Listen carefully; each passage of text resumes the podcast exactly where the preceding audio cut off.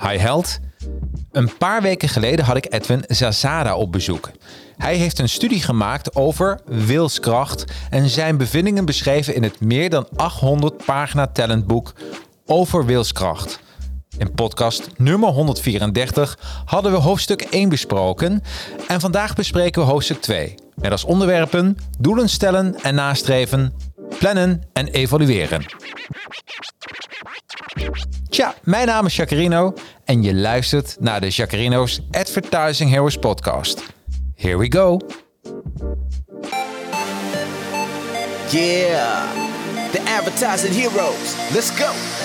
Okay, the advertising heroes. Time for you to know. Help you get your name buzzing for the world. Time to show. Help create a market plan. Now it's time to get it rolling. Even offering you live and online courses. Yeah, yeah. Time to strategize. If you ready, let's begin. For your Instagram, Facebook, LinkedIn. Five years experience, the minimum. So they can help you step it up. Time to represent. Okay, can this ish crash? Knowledge is power. Advertising heroes, yeah, you know that they got ya. Time to take it higher, ready for whatever. Help your social media go to the next level. Uh, advertising heroes, and they ain't stopping. This ish crash? Knowledge is power. Advertising heroes, time for you to show it. Help you represent your brand. Time to be heroic, yeah. Advertising heroes, let's go. En welkom bij de Advertising Heroes podcast nummer 137. Ehm, en eh, ja, volg je deze podcast in audio? Ehm, dan zou ik willen vragen van, word ook lid van de Online Marketing Academy. eh, community eigenlijk. Eh, daar praten we met z'n allen over online marketing. Er zitten allerlei gave trainingen bij. En exclusieve content, want deze video is eh, live altijd te bekijken via YouTube. En na de hand haal hem er vanaf en is hij alleen nog maar exclusief te bekijken voor de community leden. Heel veel exclusieve content. Dus kijk even in de show notes, staat het erbij, academy.nl. Ah, ahacademy.nl. En dan, eh, ja, dan, dan, dan eh, zie je alles wat, eh, wat we hebben. We hebben zelfs een app. Dus als je een marketingvraag hebt, kun je hem gewoon stellen in de, in de app. En wij geven de antwoord op. Dus dat is heel leuk. Nou, zeg je van, nou, ik hoef geen community lid te worden, maar ik wil deze podcast wel steunen.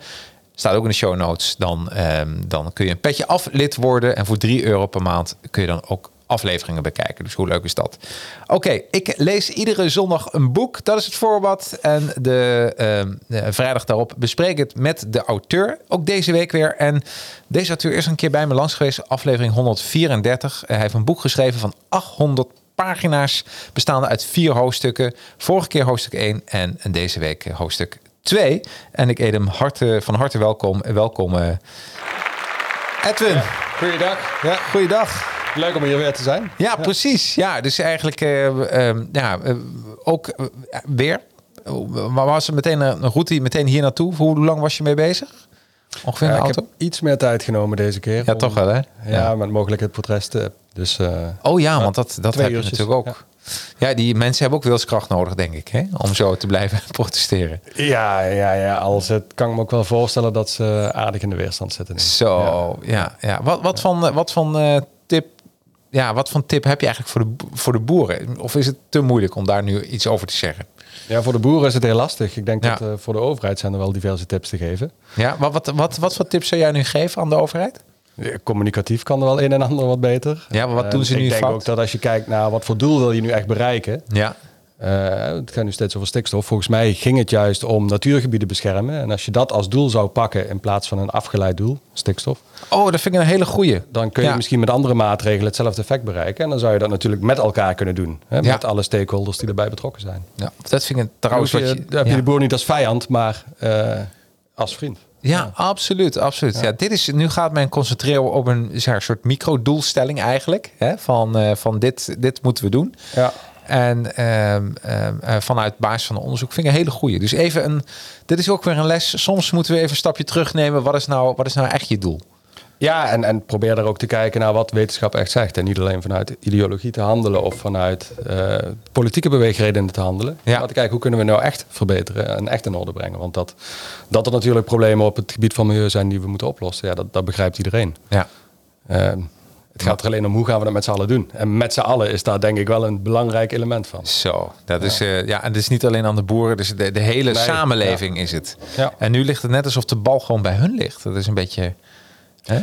Ja, ik, ik kan me heel erg goed voorstellen dat ze zich eh, eh, niet gehoord voelen. Ja. Dat ze zich in de hoek gezet voelen. En ehm, ja, dat is nogal wat. Hè? Als je te horen, als je, de indruk althans wordt gewekt dat er een groot gedeelte van de bedrijven in de sector waar jij werkzaam bent eh, Ja. weg moeten. Ja, Ehm, volgens mij sowieso niet een sector waar je al heel veel eh, kunt verdienen. Dus nee. ja. Iets wat je, wat je leven is. Weet je waar ik het een beetje in vergelijk? Misschien een rare vergelijking. Ik, ben, eh, ik heb een hond. Ik hou ontzettend van honden. Moet je je voorstellen dat er een wetvoorstel komt dat, dat we over 2024 dat er geen honden meer mogen zijn, omdat er bijvoorbeeld die een ziekte kunnen overbrengen. ja. En, dan wordt gevraagd van, ja oké, dus je moet hem na 2024, ja, dan moet je eigenlijk afscheid van hem nemen. Want eh, ja, sorry, dat kan niet meer. En, eh, oh ja, en, en hij, hij poept ook te veel. Dus ook CO2, dat, is, dat gaat dan ook... eh, dus dat maar gevoel... misschien met een bemiddelaar die dan dat plan heeft geschreven rondom het afschaffen van honden die dan. hè? Ja, ja. En, en dat, die, dat dat mijn bemiddelaar wordt Ja, gewoon. Ja, ja, ik kan me voorstellen dat je dan minder serieus genomen Ja, wordt. ja misschien is een beetje het. er is een keer een onderzoek geweest. Ik weet niet. Dat, was, dat was een ander onderzoek dat had te maken met geloof en merk. Eh, dat als jij een bepaald geloof hebt, dan zit er een, een bepaalde centrum in je hersenen. eh, dat stukje. En eh, als jij fan bent van een merk, bijvoorbeeld van Apple, zit dat in hetzelfde stukje in je hersenen. En als je mij gaat bashen van ja, Apple Ja. is gewoon een klote product, dan heb ik dezelfde weerstand als je tegen een, de paus zegt dat God niet bestaat. Ja, ja, zijn eigenlijk twee elementen. De- eh, enerzijds is het deel van je zelfconcept, is deel van wie je bent. Daarom Ja. kopen sommige mensen een Apple, denk ik. Ja. Tenminste, als ik naar de prijzen en functionaliteiten kijk, dan denk ik dat de, de reden dat je een Apple koopt, dat, dat het toch met name te maken heeft met dat het iets over jou zegt. Ik kan me niet voorstellen dat het Nou, nee, nee, nee. is voor die prijs. Nou, het is, ik zou je vertellen, eh, eh, maak je verhaal even af en dan ga ik even een. Eh, het ja. tweede gedeelte bij geloof zit er ook nog het idee van controle in. Hè? Geloof maakt de wereld simpeler. Ja, absoluut. Maakt hem controleerbaarder. Je bidt tot God en die regelt het. Ja, Ja. of niet. Hè? Maar Ja. je hebt een mogelijkheid om in te grijpen waar je die anders niet zou hebben. ja, ja. Dus, eh, Er heeft een eh eh, Lindstrom is dat geweest. Dat is iemand die, ehm, eh, die heeft een boek geschreven, Martin Lindstrom. waarom mensen doen wat ze doen, heet dat boek. En daar staat het, het onderzoek in over dat het in hetzelfde centrum zit in je hersenen, Mm. geloof en, en, eh, en een merk. Maar wat, wat grappig is over Apple, en dat is misschien eh, bedrijven die met Apple werken, die weten Ja. dat. Eh, bij een Apple is de initiële waarde is, is hoger. Hè? Mm. Tenminste, je koopt hem en dan dat het startkapitaal is gewoon groter dan bij een Windows computer.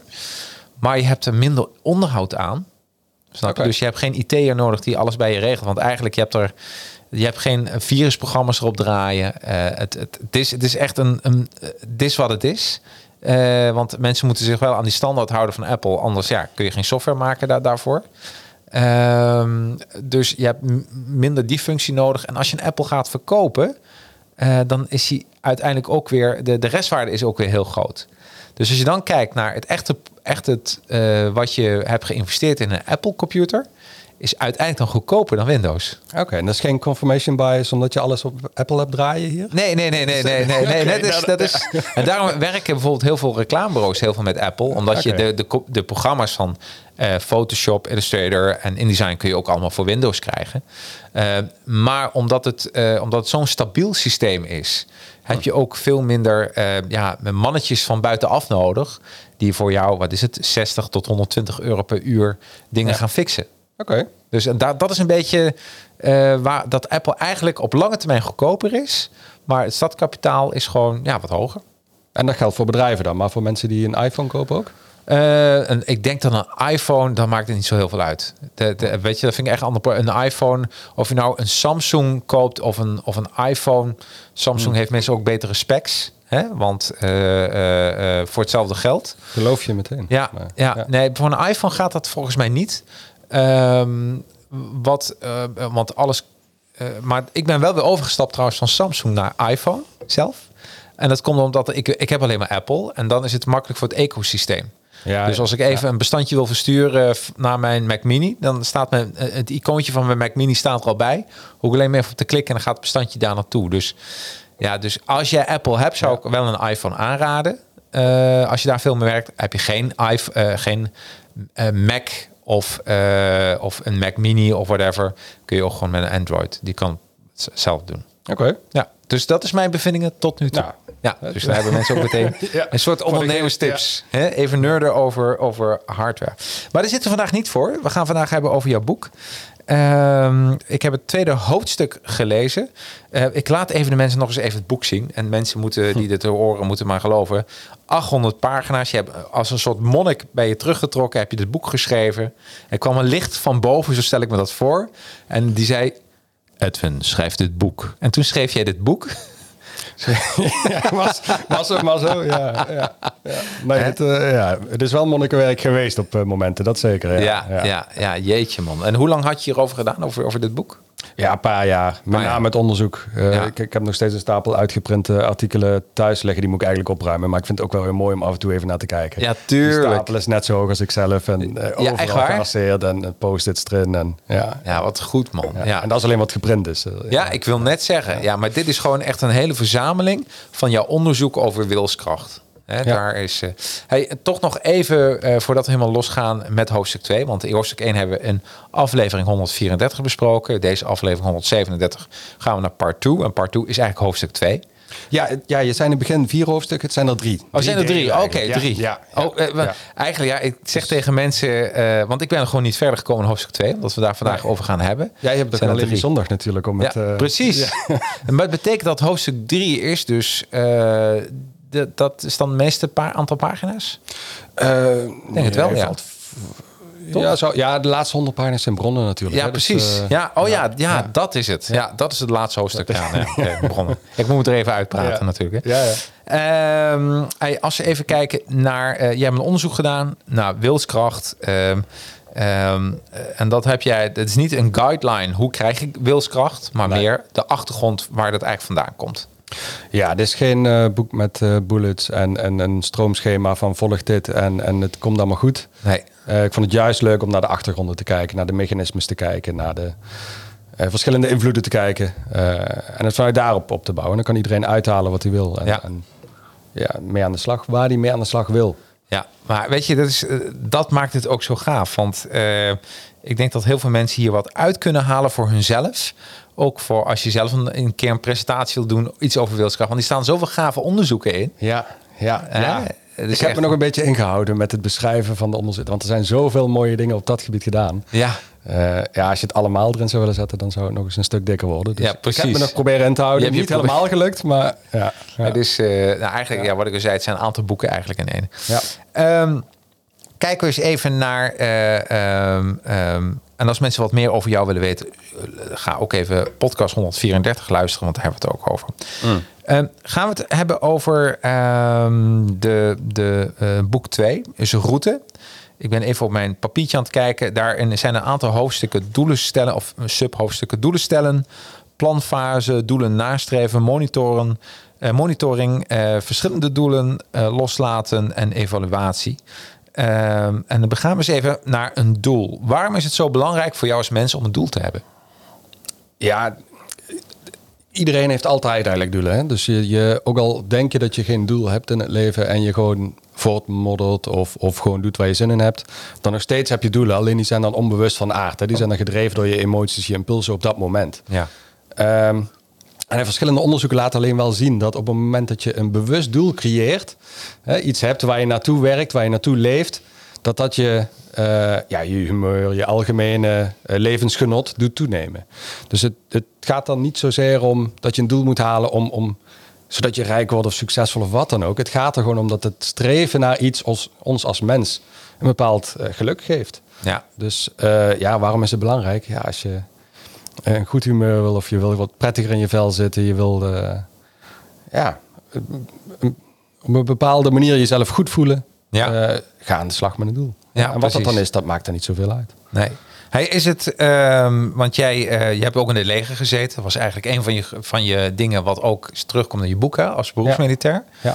Ehm, daar bij leger heb je ook missies.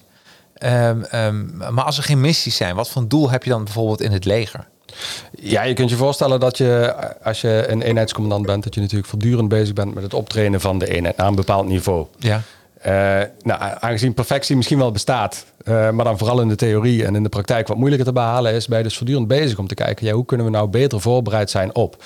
Dus dan gaat het om het trainen op allerlei niveaus, of het nou individuele vaardigheden zijn, of het de samenhang van een team, of dat het tactisch niveau is, of dat je juist uh, probeert in de samenwerking met andere eenheden, met buitenlandse eenheden of met binnenlandse eenheden, hmm. steeds sterker te worden als team. Ja. Waarbij je natuurlijk ook steeds probeert om zo dynamisch en flexibel mogelijk op te treden. Ja. ja. En, en, dat zorgt ervoor dat je op zo'n gebied ook nooit uitgeleerd bent. Nee, dat gaat uh, gewoon door. Ja, ja, absoluut. En dat, dat nou ja, goed, bij de Russische inval in Oekraïne kun je zien wat het effect is van wel of niet getrainde eenheden. Ja. Ehm, nou ja, in, in het begin was zeker te zien dat de Oekraïnse kant stukken beter opgeleid was. Ook met meer verantwoordelijkheid op lagere niveaus. Hè, dus. Maar dit vind ik ook wel grappig, want uh, het doel is dan bijvoorbeeld, ik noem de grote manager Poetin. Hè, dat, is, dat is degene die zegt van oké, we gaan Oekraïne binnenvallen. Maar uh, is dat doel uh, op een goede manier ook dan gedeeld naar zijn manschappen? Nee, ik denk dat de, de is een beetje een ander onderwerp, maar wel een heel interessant ja, Interessant, ja.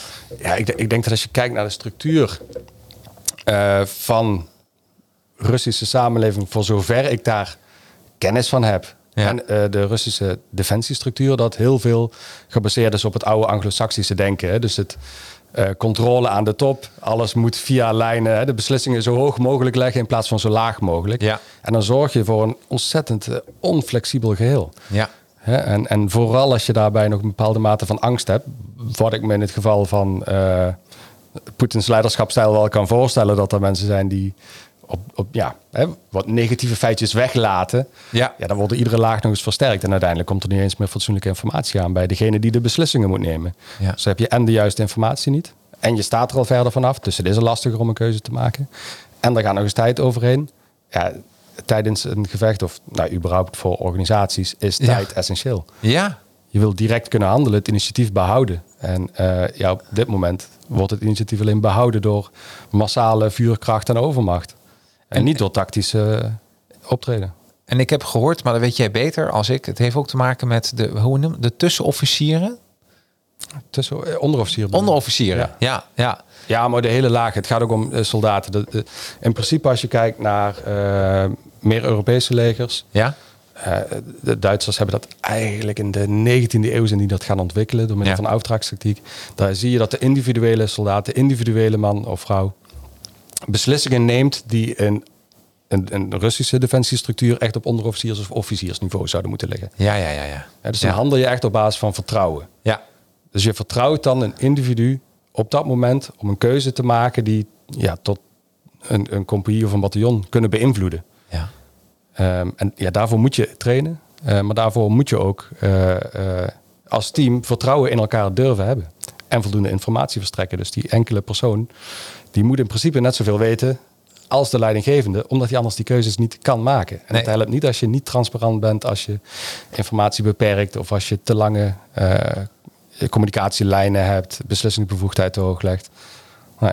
nee. dus eigenlijk is het, dat vind ik wel leuk, want dat heeft ook een beetje te maken met doelen. Ja, ja, als je ja. daarna. Uh, dus zou je eigenlijk ook kunnen zeggen dat je als uh, bedrijf, uh, laat zeggen dat je bezig bent met je bedrijfsdoelen, dat je je probeert mensen zo mo veel mogelijk autonoom te maken. Ja. Dan bijvoorbeeld te, te heersen als een autocraat. I, ja, je ziet natuurlijk zelfsturende teams is heel populair nu. Ja. Um, Geloof je daarin? Gedeeltelijk, ja. ja. En welke gedeelte niet? Het gedeelte niet is dat je wel een bepaalde mate van um, uitleiding nodig hebt richting een bepaald doel. Oh ja. Um, dus dat kan in sommige situaties wel met volledig zelfsturende teams. In sommige situaties heb je daarvoor ook leidinggevenden nodig die gewoon heel snel wel een knoop kunnen doorhakken en van richting kunnen veranderen als het ja. nodig is. Um, maar het idee van heel veel zelfstandigheid, verantwoordelijkheid, initiatief, uh, et cetera, bij uh, de medewerker zelf, daar geloof ik volledig in. Ik, ik, ben dus ook absoluut geen voorstander van verregaande, controlerende bureaucratie of, of het verantwoorden van iedere vijf minuten die je werkt. Als je nee. op zo'n manier met elkaar moet werken, ja, dan schiet het niet op. Dan ben je werk aan het creëren. Dan heb je natuurlijk mensen tekort ook. Ja, absoluut. Ja. Ik vergeet nooit meer, we waren, uh, ik heb gewerkt voor een reclamebureau en daar kwam een investeerder bij. En, ehm, eh, en die was het gewend, hè, dat mensen met een prikklok werkten. Dan had je zo'n Oh, klokmachine. ja. En ik weet dat mijn creatieve collega en ik Ja. werden toen naar boven geroepen, want wij waren de enigen die dat nog niet hadden gedaan. Die hadden ons niet, nog niet ingecheckt. Ja. En toen hebben we ons ingecheckt. En eh, nou, waar ze op zich, eh, zonder ze van te kijken dat wij dat wel wilden doen. Dus natuurlijk wilden we wel even inchecken. En een paar maanden later moesten we weer op het kantoortje komen bij de baas boven. Met de investeerders zat erbij, een beetje boos. Niet uitgecheckt. We hadden nooit uitgecheckt. En toen zei ik, ja, een creatief check nooit uit. Nee. Ja. En eh, toen weet ik dat mijn baas er ontzettend om moest Ja. lachen. Die vond het heel grappig. Maar eh, die investeerder kon er niet om lachen. En, Ah. eh, en, en dit is een beetje... ehm, eh, weet je, ik kan me wel voor... Ik begrijp altijd alles. Ik begrijp ook waar mensen vandaan komen. Dat als je in een fabriek werkt en hun hadden gewoon echt producten... en mensen moesten dat... ja, het moest allemaal gemeten worden. Maar zou dat echt beter zijn voor de productiviteit? Vraag. Nee, ja. Dan moet het een hele stabiele, onveranderlijke omstandigheid zijn. Dus Ja, je precies. bijvoorbeeld die T-Fort, daar is het hele idee eh, eh, van alles afmeten en alles exact Ja. voorschrijven. Is daar tot, nou ik wil niet zeggen tot imperfectie, maar wel ver doorgedreven. Ja. Maar ook zo'n fabriek, eh, Ford is in die tijd bijna failliet gegaan. eh, omdat ze geen nieuw model wilden gaan produceren naar die T-Fort. Die was wel goed genoeg. Precies. Het, eh, het was uiteindelijk de zoon van de oprichter die zei van ja, nu wordt het echt tijd. Omdat anders had Ford niet meer bestaan. Ja. Als je kijkt naar hoe Toyota dat heeft aangepakt, die heeft, en, en is ook maar een beperkte mate natuurlijk, maar veel meer autonomie aan medewerkers gegeven. Die hadden de mogelijkheid om de hele band stil te leggen. Van medewerkers werd ook verwacht dat ze meedachten over het verbeteren eh, van het proces. Hè, alle kleine oneffenheden eruit halen. Ja. Dat kun je als manager wel willen gaan doen, maar als jij 50 man aanstuurt, je weet echt niet tot in detail wat die ene man doet. Nee. Hè, dus als diegene zorgt, of de verantwoordelijkheid voelt, om ook bij te dragen, mee te denken, Ja. dan heb je in plaats van één hoofd, hè, wat te denken doet, heb je er 50. Ja. Ja, dat, daar ga je natuurlijk, eh, uiteindelijk haal je daar productiviteits eh, eh, Nou, dus mee. Ja. Ik vind het misschien wel mooi, want Ford zei altijd: we kunnen alle kleuren kun je bestellen als het maar zwart is. Hè? Dat was toen met de T-Ford. ja, heeft hij maar een tijdje gedaan. heeft een tijdje ja, gedaan. Maar ik kan me voorstellen dat als je je werknemers even iets meer ruimte geeft, dat er wat eerder andere modellen en kleuren waren geweest. Ja, of meer verfijningen in het productieproces. Ja, precies. Ja, ja. Eh, want uiteindelijk is Toyota ook veel beter gaan produceren dan, eh, veel efficiënter Ja. en veel betrouwbaardere auto's gaan produceren dan Ford.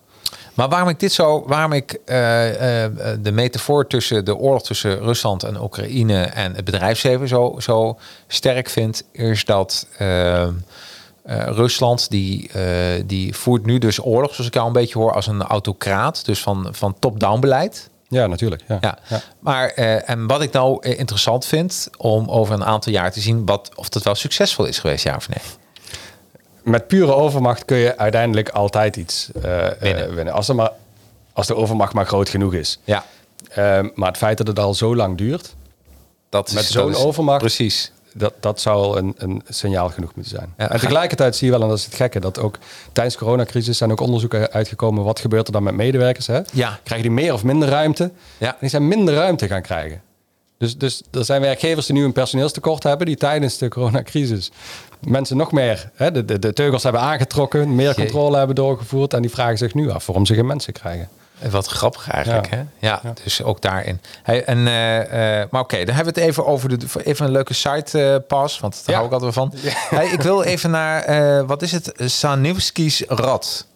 Zeg, Ja, ja, spreekt dat een- goed uit? Sanivski's? Uh, Sanjewski. Sa Sanjewski, oké. Ja, ja, dit is een ehm, Poolse auteur. Ik weet even niet meer welk jaar, maar die heeft een heel dun boekje geschreven. Maar een heel interessant boekje. Ja, vertel. Waarin die, het is eigenlijk een roman vanuit het perspectief van een rat.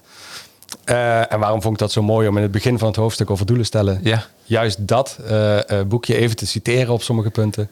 Omdat je ziet dat die rat volledig geleid wordt door zijn impulsen. Door wat hij ziet, door wat hij beleeft, door zijn emoties. Hè, die, die, als hij iets verkeerds doet, op een gegeven moment eet hij zijn eigen jongen op... of maakt hij ze in ieder geval dood Ja, daar gaat hij daarna niet in een hoekje zitten en zich afvragen van... Goh, wat heb ik nu in godsnaam gedaan? En, en hè, wat zal de rest van mij vinden? Nee, die, die gaat gewoon de volgende impuls achterna. precies. En ehm, nou, vanuit daar wil ik dus eigenlijk het verschil ook schetsen... met het vermogen wat wij als mensen natuurlijk wel hebben... om heel bewust over dingen na te denken... maar ook heel bewust onze doelen te stellen. Ja. Zodat we niet eh, doelloos rondzwerven als die rat... maar dat we een duidelijke focus hebben... en ons daar ja, ook naartoe kunnen gaan richten. Ja. Ehm, en daarvoor, maar ook als je niks met doelen of wilskracht hebt, dat boekje is echt een aanrader. En die is zit nog steeds in Nederlands, ook een Nederlandse vertaling? Of boekje. Nederlandse vertaling, ja, ja, ja, ja. Ja, mijn puls is niet goed genoeg om het eh, in het origineel te lezen. Dus ik heb echt de Nederlandse vertaling gebruikt. Nou, dan moeten Ja. mensen maar even polshoogte nemen dan, in dit geval. Ja. Ehm, eh, jij schrijft er ook eh, over smart, de smart doelstellingen. Specifiek meetbaar, wat was het? Ja, de- specifiek meetbaar, acceptabel, et cetera. Ja, ja, het, ja. En resultaat en eh, tijds, eh, tijdsgebonden. Ja, tijdsgebonden. Dat was hem. Ja. Eh, eh, Daar kom je er ook even op terug. Hoe kijk jij daarnaar, naar een smart doelstelling versus je doelstellingen halen? Nou, het helpt bij het concreet maken. En dat is het belangrijkste doel daarvan. Oké. Ehm, kijk, met een vaag doel. ehm, nou, als je op vakantie gaat, hè, je kunt, eigenlijk kun je heel het, heel het proces van doelen stellen, monitoren, plannen, kun je allemaal samenvatten in wat doe je als je op vakantie gaat met de auto. Hè? Je gaat met de auto naar Italië. Ja. En wat doe je dan? Ga je dan gewoon grofweg ergens naar Italië of ga je naar heel concreet een bepaalde plek waar je op een bepaald tijdstip wil zijn, omdat je dan wil inchecken in het hotel en je hebt heel. En als heel je nou op- ja, als je op diezelfde Ja. manier over je eigen doelen in de rest van je leven nadenkt, Ja. ja, dan, dan maak je het doel concreter. Daarmee krijgt het ook meer trekkracht, wordt het ook interessanter eh, en wordt het ook makkelijker om dat doel te behalen. Ja.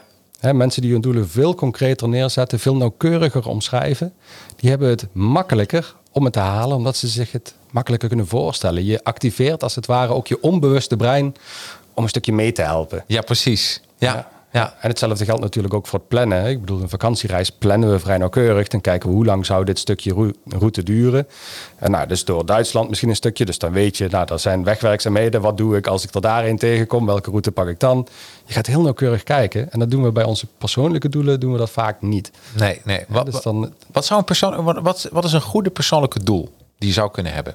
Ja, dat maakt niet uit. Dat, dat is het mooie van zoiets. Dat, dat kan van alles zijn. Het gaat er wel om dat het een voldoende niveau van uitdaging heeft. Ja, ja, ja, ja. Dus ehm, een heel klein doeletje. En, en eigenlijk mag ik dat van Aisha niet meer gebruiken als voorbeeld, want die heb ik in andere podcasts ook gebruikt. Eh, dus ze zei, je moet met een ander voorbeeld komen. Is je vriendin, hè? Aisha? Ja, ja, ja. ja, Ehm, eh, maar dus, dus een paar maanden geleden heb ik, eh, nou is inmiddels een half jaar geleden, een marathon gedaan. En nou, het doel was een beetje spontaan ontstaan op een, ja, zo'n dronken avondje. je kent dat wel, hè? Dan op een gegeven moment zeg je, nou, daar ren ik ook wel mee. Ehm, maar ik had al zeven jaar niet gesport. Nee. Dus dan is dat een leuke uitdaging voor het juiste niveau. Ik had geloof ik vier maanden om ervoor te trainen. Nou, dus dan moet je wel een beetje pushen, maar het is haalbaar. Kijk, en zo'n doel, dat je weet dat je er echt iets voor moet gaan doen. Dat je er ook dingen voor moet laten. Dat je eh, ja, ook tussendoelen kunt zetten waar je dan iedere keer weer even dat, dat prettige gevoel van kunt, eh, eruit kunt halen als je het Ja. gehaald hebt. Eh, ja, zoiets qua moeilijkheidsgraad, qua uitdaging is ideaal. En dat kan voor iedereen anders zijn. Ook de termijn kan anders zijn. Het kan niet zijn waar je zegt, nou over 20 jaar wil ik met pensioen zijn. Wil ik een bedrijf hebben opgebouwd wat ik kan doorverkopen of wat dan ook. Ja.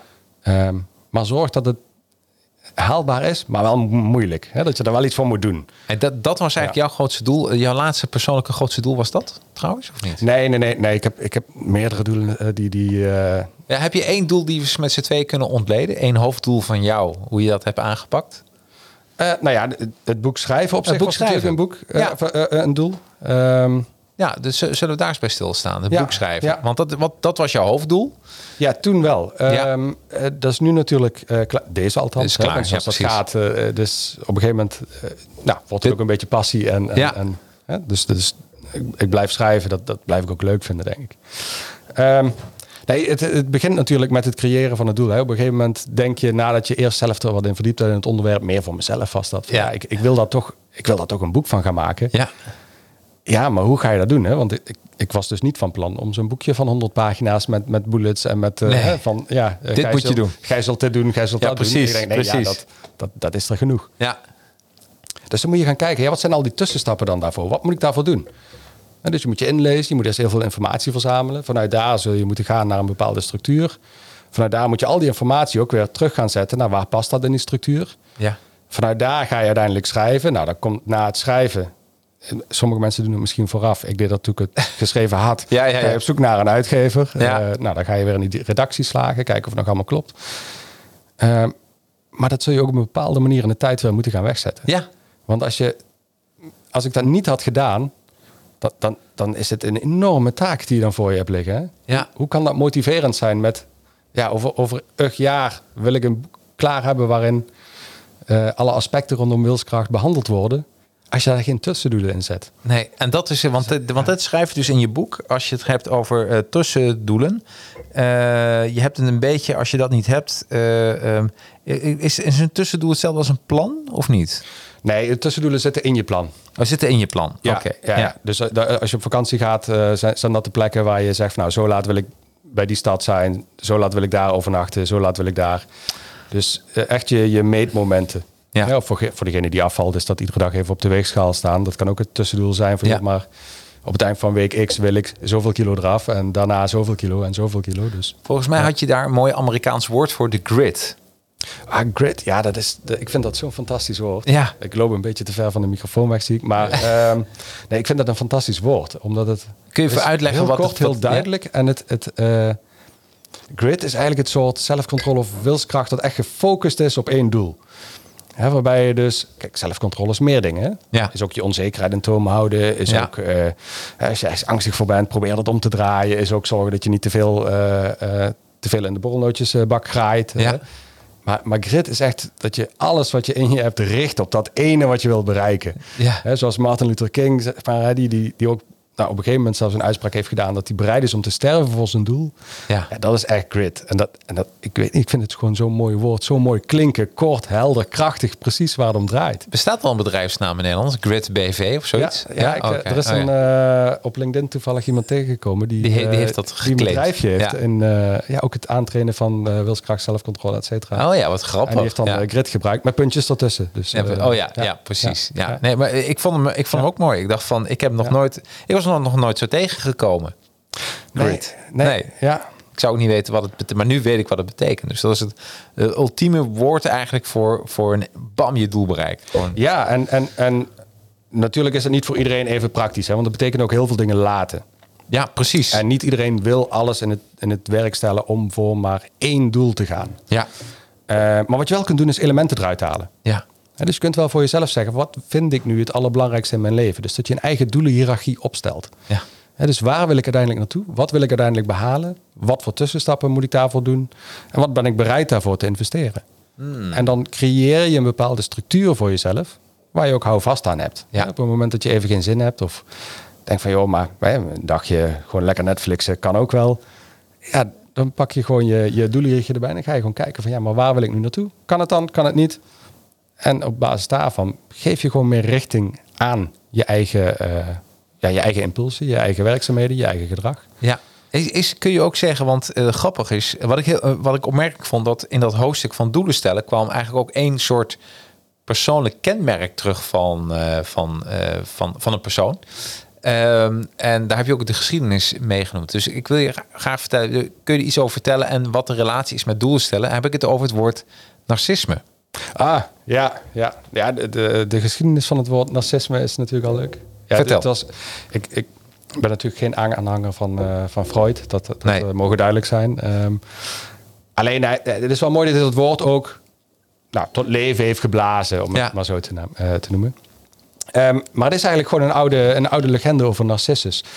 Een, een, nou ja, een, een, een ja, jonge held zou je mogen zeggen, die, die nogal vol was van zichzelf. Ja. Ehm, en ehm, nou, op een gegeven moment in een bepaalde... eh, dus zoals dat gaat, hè, goden hebben met elkaar conflicten. En die, die, eh, nou, die conflicten raken ook normale mensen. En eh, Narcissus kreeg dus een straf omdat hij zo arrogant was. Ja. Waarbij hij dan, als hij in het, in het oppervlakte van het water keek, zijn eigen gezicht zag. En dan vond hij dan zo'n mooi gezicht, zijn eigen gezicht met zijn eigen blonde krulletjes. Ja. Hè, maar als hij daar dan dat wilde vastpakken of wilde omarmen of wilde omhelzen, ja, dan, hè, je weet hoe dat gaat. Je pakt het water vast, er komen rimpelingen in en het is weg. Ja, precies. En hij was zo gefascineerd daardoor, dat hij daar maar niet van weg kon. Geen eten, geen drinken, niks. Dus uiteindelijk stierf hij. En zo gaat die legende dan dat er alleen nog maar een bloemetje overbleef, de narcist dan. Ja, precies. Ehm, maar wat is het nou met narcisten? Ja, die zie je natuurlijk heel veel in posities van leiderschap ook. Hè? Ja, Ehm, en narcisten, eh, die lijken altijd heel zelfverzekerd. Ja. Die lijken altijd vol van zelfvertrouwen. ja. Alleen van, van binnen is dat natuurlijk niet zo. Hè? Zijn- Ook een narcist niet. Nee, die zijn Ja. hartstikke onzeker natuurlijk van binnen. Ja. En die hebben de bevestiging nodig. Die zijn op zoek naar die bevestiging. Ja. De informatie van buitenaf, dat ze goed zijn. Ja, ja, ja. Hè, En die informatie kan komen van anderen. Hè, daarvoor zoeken ze dat ook steeds, die bevestiging. Hebben ze ook posities nodig waarin ze een bepaalde macht hebben om ook voor hunzelf als informatie weer te dienen van ja, ik ben wel belangrijk. Want ik Ja, ben precies. directeur, ik ben manager, ik ben Ah, politicus, ik ben... Ja, precies. Ehm, maar hetzelfde gebeurt natuurlijk ook, ze vertellen zichzelf dat ook natuurlijk de hele Ja. tijd. Hè? Ja. Om, om zichzelf maar staande te houden. Ja. Dus er zit geen enkele... Kijk, als je iemand hebt met echt zelfvertrouwen, daar zit een kwetsbaarheid in. Die durft te vertellen waar hij slecht in is, waar hij goed in is. ja, precies. Eh, dat maakt niet uit. Die muren zijn weg. En narcist heeft enorm hoge muren voor zijn eigen zelfbeeld opgebouwd.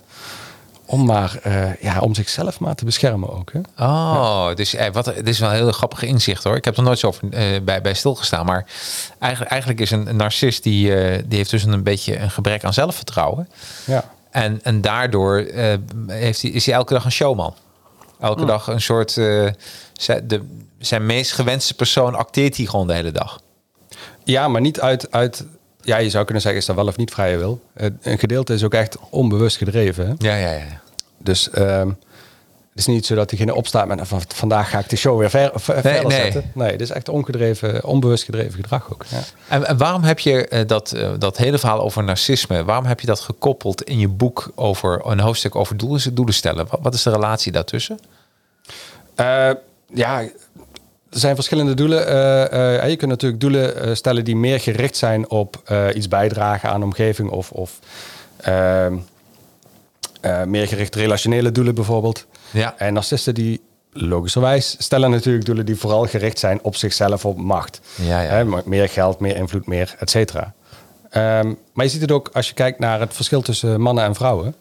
Ja. Ook daar zitten verschillen in wat voor type doelen ze het meeste stellen. Ja, En mannen zijn toch over het algemeen nog steeds mensen die meer eh, geldgericht of machtgerichte doelen stellen, positiegerichte doelen. ja. Eh, terwijl gemiddeld gezien vrouwen toch veel meer doelen stellen die te maken hebben met eh, ma- ja, de maatschappij als geheel of meer sociaal gerichte doelen stellen. ja Dus het precies. maakt heel erg uit wie je als persoon bent, wat voor type doel het meest bij jou past of wat het meest waarschijnlijke is waar je mee zult komen. Ja. Oh, wauw. Ja, nee, maar dan begrijp ik hem. Daarom, eh, daarom is die link natuurlijk ook gemaakt. Maar ik vond dat verhaal over, over narcisme vond ik echt, eh, echt geweldig. Van eh, de achtergrond over narcisme. En eh dus de Griekse mythologie, denk ik. Hè? Ja, ja, ja, ja. Ja, ik, ik heb eh, deze week trouwens over Griekse mythologie een enorme kater gehad. Van eh, de nieuwe Thor-film is uit in de bioscoop. En eh, het heeft mijn hart gebroken. Die is gewoon zo verdisneyfied. Ik noem het verdisneyfication, weet je wel? Dat het, eh, dat het, dat het eh, nou ja, als Marvel gek, maar ook... Ja. eh, het, het, het is echt een... Ja, eh, Disney heeft best een grote rol in onze maatschappij gekregen. Ja, eh, dat, maar verhalen aan zich ook, denk ik. Ja, De, het, het is natuurlijk niet helemaal zo dat we een post-truth eh, eh, tijdperk leven, maar het is wel zo dat het belang van verhalen zonder dat er per se een goede onderbouwing onder hoeft te zetten, dat Ja. dat wel is toegenomen. ja dat is... Ja, omdat het wat makkelijker te snacken is. Of Ja, absoluut. Ja, ja, Ja, dus dat, Ja, ja, en het wordt allemaal steeds ma- inderdaad makkelijker, weinig dieper. Maar ja, oké. het, het wordt steeds minder belangrijk om, om echt terug te grijpen op nou, de daadwerkelijke mythologie rondom Ja. Of, of, dat Ja. is niet meer zo belangrijk. Nee, nee, en het is een beetje voor. En het werd voor kinderen gemaakt. Ik denk van, doe dat nou niet. Blijf gewoon, blijf gewoon bij je roots, bij je DNA. Maar dat ben ik als merkman. Ja. Denk van, waarom doen we dat nou? Dus, Maar ik heb hem nog niet gezien, maar als Nee. ik zo hoor dan... oh my, ja, ik, Maar- heb, ik, ik, ik, ik, ik, eh, ik had er gewoon een avond gewoon slechte zin van. Ik heb niet heel vaak slechte zin. Maar ja, het is gewoon een kidsfilm geworden. En dat, eh, als je, eh, ah, maar laat ik zeggen, als je niks van de comics af weet en je wilt gewoon een leuke avond naar de bioscoop, super, dat is een leuke film. Maar weet je, er zitten gewoon heel veel kinderlijke grappen in. En eh, ja, weet je, alles wat ik nu zeg, dan zou ik de film spoilen. Dat ga ik niet doen. Maar zelfs voor Marvel begrippen was het gewoon op een gegeven moment ongeloofwaardig en te flauw. Ah, daar- ik, moet- ik moet zeggen dat ik met eh, Jurassic World ook had. Ja, Die vond ja. ook iets te, iets te veel uitgelegd. Ja, ja, ja. Ja. nou ja, weet Ja. je, maar dit, we- die kant gaan we nu dus met z'n allen op. Dat, we dat er, weet je, ja, de, de, de menselijke brein is ook een beetje veranderd, zeggen ze, door middel van het gebruik Ja. van de smartphone. Ja, de Dus- concentratiespannen is... eh, Daarom is weg. Dus Ja. eh, vandaar dat ze alleen maar, eh, ja, een beetje jammer. Maar leuk, dus je kunt er wel trainen. Dus, dus, kijk, als je het over wilskracht hebt, dan heb je het eigenlijk over gecon- eh, geconcentreerde aandacht. Hè? Ja, Dit, dit is niet meer dan het richten van aandacht. absoluut. Dus, dus op het moment dat je... Nou ja, voor de uitzending had je nog even over eh, iemand die wel moeite had met, met eh, telefoon neerleggen. Hè? Ja, Dat absoluut. Waarschijnlijk heel veel mensen dat hebben. Ja, Ja, dat, dat, dat is ook zeer waarschijnlijk zo. Hè? Dat, dat merk ik zelf ook wel. Ehm, Alleen dat doet ook iets met de rest van je zelfcontrole. Hè? Met Absoluut. de rest van je leven. Ik bedoel, als je dat vermogen, als je die gecontroleerde aandacht, als je dat niet traint om dat vol te houden, om dat te richten ergens op. Ja, dat, dat gaat niet alleen maar om smartphones. Nee. Dat gaat om je hele... eh, Hele zijn. Ja. Ja, dat klopt. Ja. en, dat, en dat, misschien zien we dat nou een beetje de uitvoersel in, eh, in kunst en de media. Eh, van, eh, Ja, bij kunst heb ik al honderd jaar het idee dat Ja, er precies. heel Ja. veel tijd genomen wordt. dat is heel veel tijd. Dat ik denk, ja, doe dat nou ja, niet. Maar ja. dat klopt wel hoor. Hey, eh, een mooi voorbeeld over motivatie was iemand uit jouw boek. Die was super gemotiveerd. Leuk verhaal, had ik nog nooit eerder genoemd.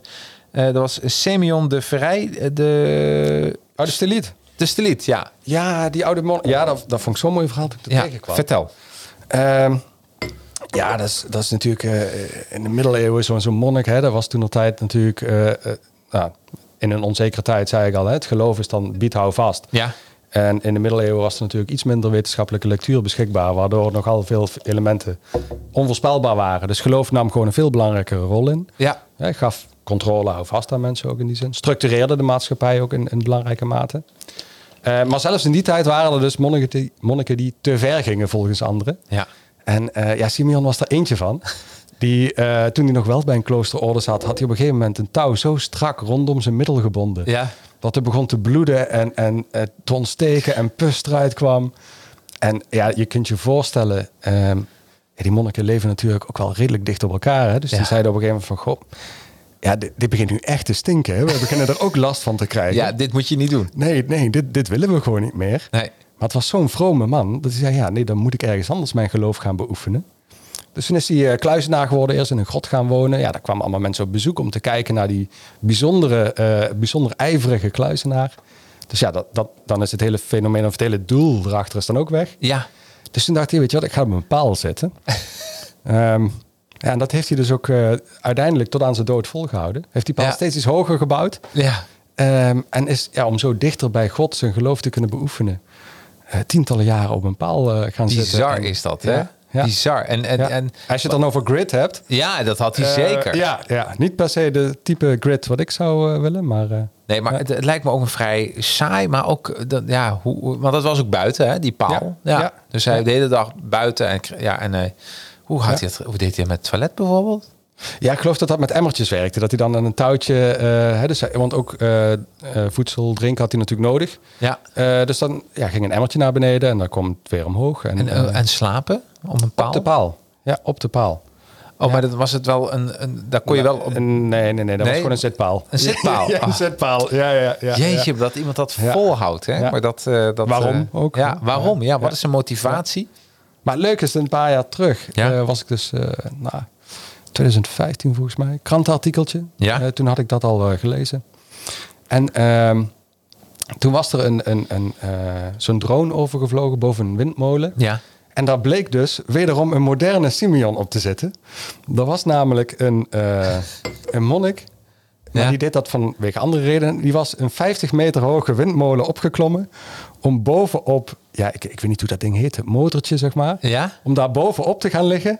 Om gewoon lekker van de zon en het uitzicht te genieten. Eh, Bizar weer. ja, Ja. ja. zonder overnachten natuurlijk weer terug. Ja, dat, dat zou ik nog begrijpen. Nou, wat, wat, Maar, eh, wat, wat ik wel heel grappig eigenlijk vind. We hadden het net in het begin over eh, Apple en religie. Hè? Mm. Maar als, jou, ehm, als je zo overtuigd bent van je eigen doel, Ja. dat moet je bereiken. En dat is eigenlijk wat er een beetje met mensen die heel re- religieus zijn. Eh je hebt ook mensen die elke zondag van deur naar deur gaan van, van hun geloof. Ja. Ja, die hebben ook een doel en die gaan ook bepaalde barrières door wat ik niet snel zou doen, wat jij misschien Nee. niet snel zou doen. Maar eh, en dat gaat er wel door. Dus ik, eh, de- geloof dat, daar, daar zit wel iets in. Ja, het woord zegt al geloof. Je moet geloof hebben in je doel. Dat en over- maar ook een super overtuigend geloof in je eigen doel. Ja, ja en, eh, nogmaals, bij, bij religie, maar hetzelfde complottheorie en religie is hetzelfde bakje. Hè? Dat, is, dat is van hetzelfde. Hè? Dat is allebei geloven in, in iets wat volstrekt onwetenschappelijk en onjuist is. Ja, precies. Ehm, maar dat doe je in beide gevallen omdat het je meer comfort geeft, meer het gevoel dat iedereen wil in controle zijn Ja. over zijn eigen leven. Ja. Dat, dat is ook boeren, ja, hun mogelijkheid om zelf hun leven vorm te geven wordt dusdanig beperkt. Ja. Dat er weerstand komt. Ja. Maar dat zou hetzelfde gebeuren bij iemand anders. Ja. Werknemers die niet voldoende ruimte krijgen, gebeurt hetzelfde. Krijgen of een burn-out, of gaan weg, of Wat noem je- maar op. wat je- en, en geloof biedt die houvast. Ja, Ja, Eh, Ik vraag me wel eens af, hè? en dat is eh, wat je nu zegt, ja, dat, dat geloof ik zelf ook, dat ehm, eh, eh, geloof is gewoon niet bewezen. Mensen proberen het wel te bewijzen, maar eigenlijk er is nog nooit een eh, soort 3D-animatie naar beneden gekomen die zei, ik ben God en dit wil ik. Maar het is altijd, is het boek, hè, wat... ik vraag me wel eens af, zouden presid- presidenten van Amerika, zou die echt geloven? Ik denk dat het in die functie in dat land waar toch al, en dat hangt samen met onderzoek wat ik aantoont, dat samenlevingen die een hoge mate van onzekerheid op individueel of hè, maatschappelijk Ja. niveau kennen, dat daar meer religie voorkomt.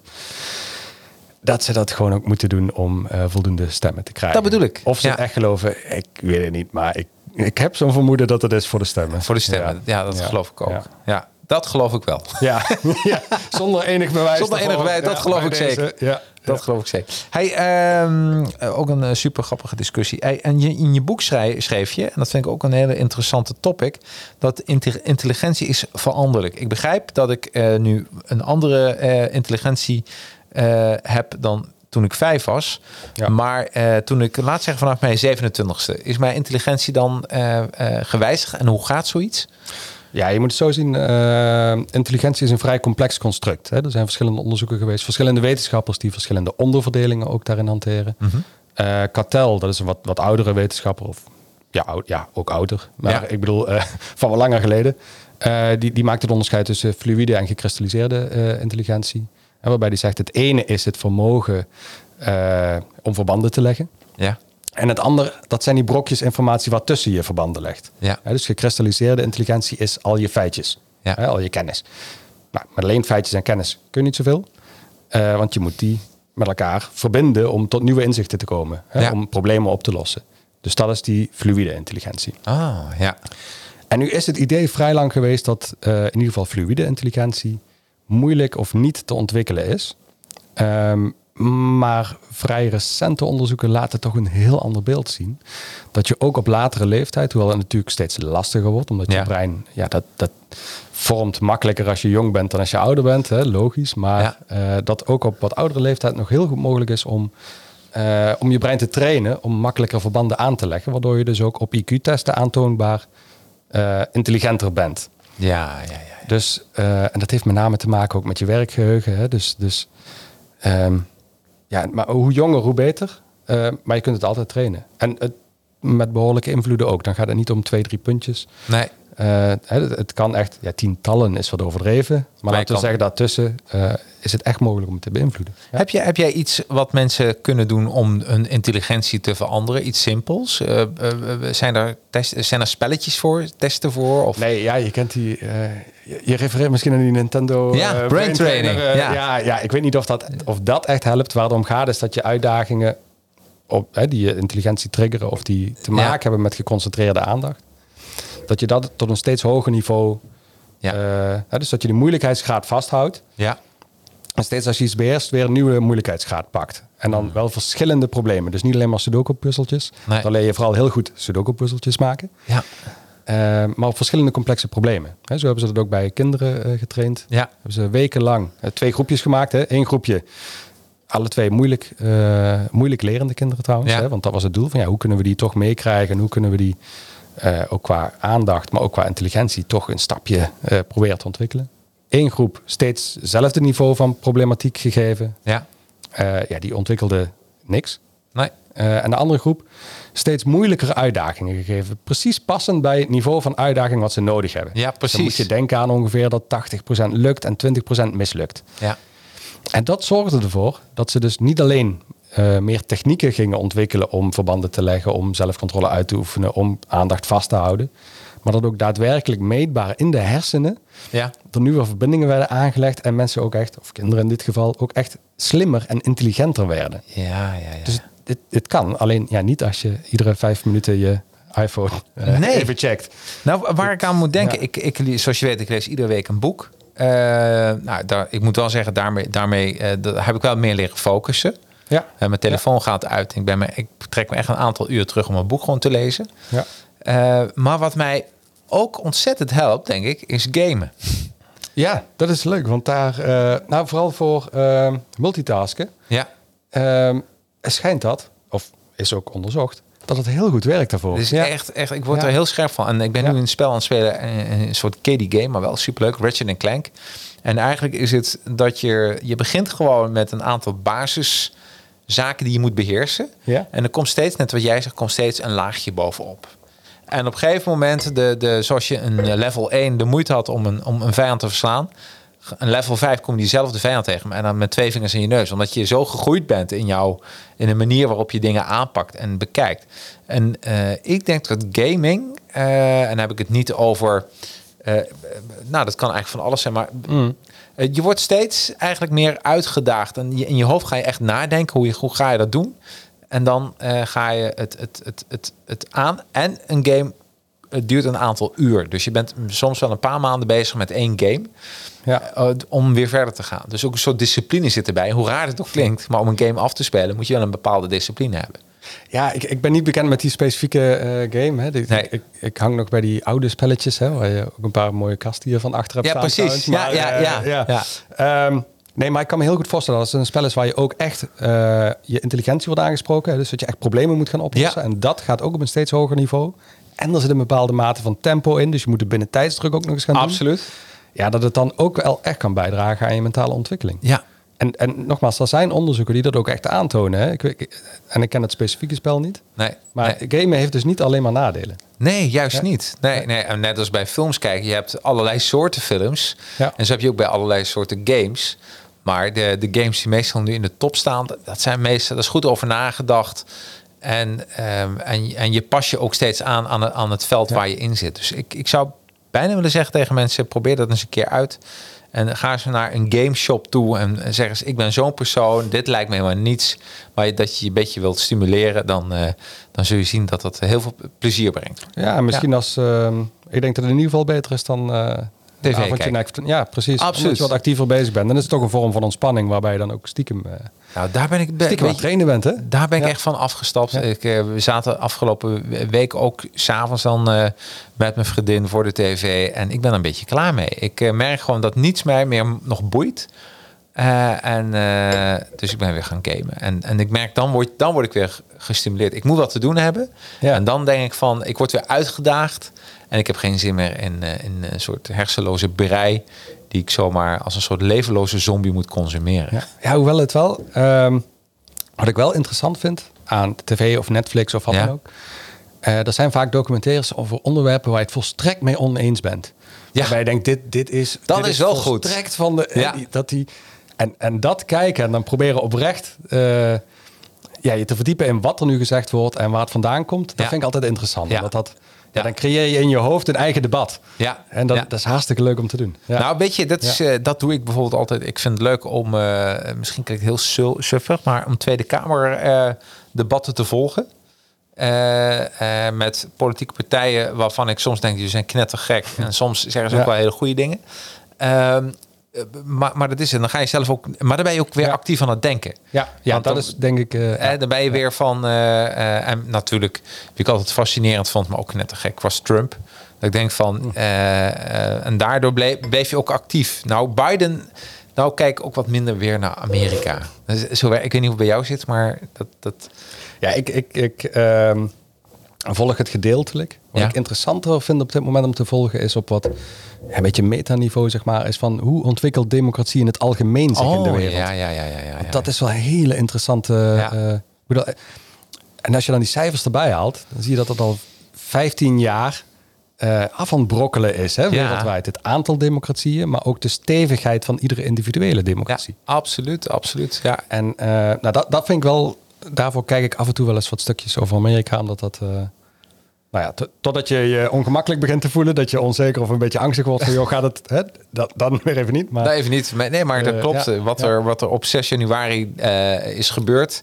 En waar nu die hearings over zijn, is ook super interessant natuurlijk. Van wat, wat, wat, wat voor effect heeft het? En komt hij ermee weg? Ja of nee? ja, ja al, het heeft natuurlijk wel een veel langere weg daarvoor. Hè? Ja, nee, absoluut. Het- het, Dit was de ehm, climax. Ja, nou, maar ik bedoel ook voor. Kijk, we hebben het over opkomst van het populisme. Ja. Ehm, maar eigenlijk zit dat in iedere politieke partij is dat geslopen. Hè? Ja, ja, ja, en daardoor, en, en ook daar is onderzoek dat politieke partijen extremer van standpunt zijn dan de bevolking. Ja, absoluut. Dus het het zijn ja, die mensen die het kapitool bestormen.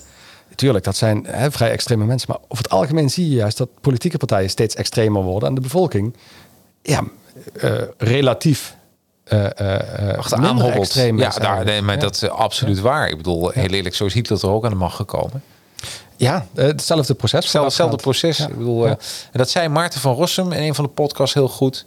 Dat, dat zie je nu bij, eh, bij... We hebben heel veel kleine splinterpartijtjes. Ja. En, en hij was blij destijds dat de verzuiling was afgeschaft. Mm. Maar het nadeel van het afschaffen van de verzuiling... is dat mensen nu op zoek gaan naar dit soort zaken. Dus Ja. eh, wat, wat minder ja, richtlijnen van, ja, van bovenaf. Ja, en, en zeker in tijden van onzekerheid of angst. En dan zie je het gebeuren dat er een, een collectieve vraag is Ja. naar iemand die duidelijk is, die macht uitoefent, die de zaakjes zegt te gaan regelen. Ja. Ehm, En dan is en dat, dan vragen mensen om maatregelen, Ja. om, om, om repressie vragen mensen op dat moment. Ja. Onbewust. En dat, ja, dat is natuurlijk ook de reden dat zo'n Poetin nog redelijk, eh, redelijk stabiel in het zadel Absoluut. zit. Ja, absoluut. Ja, dus in de grap, dan gaan we voorbij de inhoud, maar meer van de belofte eh, dat er tenminste iemand staat die het regelt. Als je angstig bent omdat de wereld om je heen onzeker is, omdat er een risico, een dreiging, een wat dan ook is, dan Ja. wil je iemand die tegen jou zegt: Ik bescherm jou wel. Ja, het Ik regel dat wel. Ja, precies. Ja. Ja. En maakt En niet uit. En je de collateral damage neem je voor lief. Precies. Die dreiging moet weg. Ja. Hey, ehm, we hebben nog maar 10 minuten. Het gaat zo Ah, snel met ons ja, de hele tijd. ja. Nog vijf minuten hebben we nog. Ehm, maar eh, plannen. Ehm, Daarin vond ik toch wel een leuke. Je schrijft in je boek eh, het eh, waarom plannen. Is een plan is als als je geen plan hebt, is als- als een trein zonder rails. Ja. ja, dat kan ik, weet je, en dat vond ik toch wel het meest mooie voorbeeld.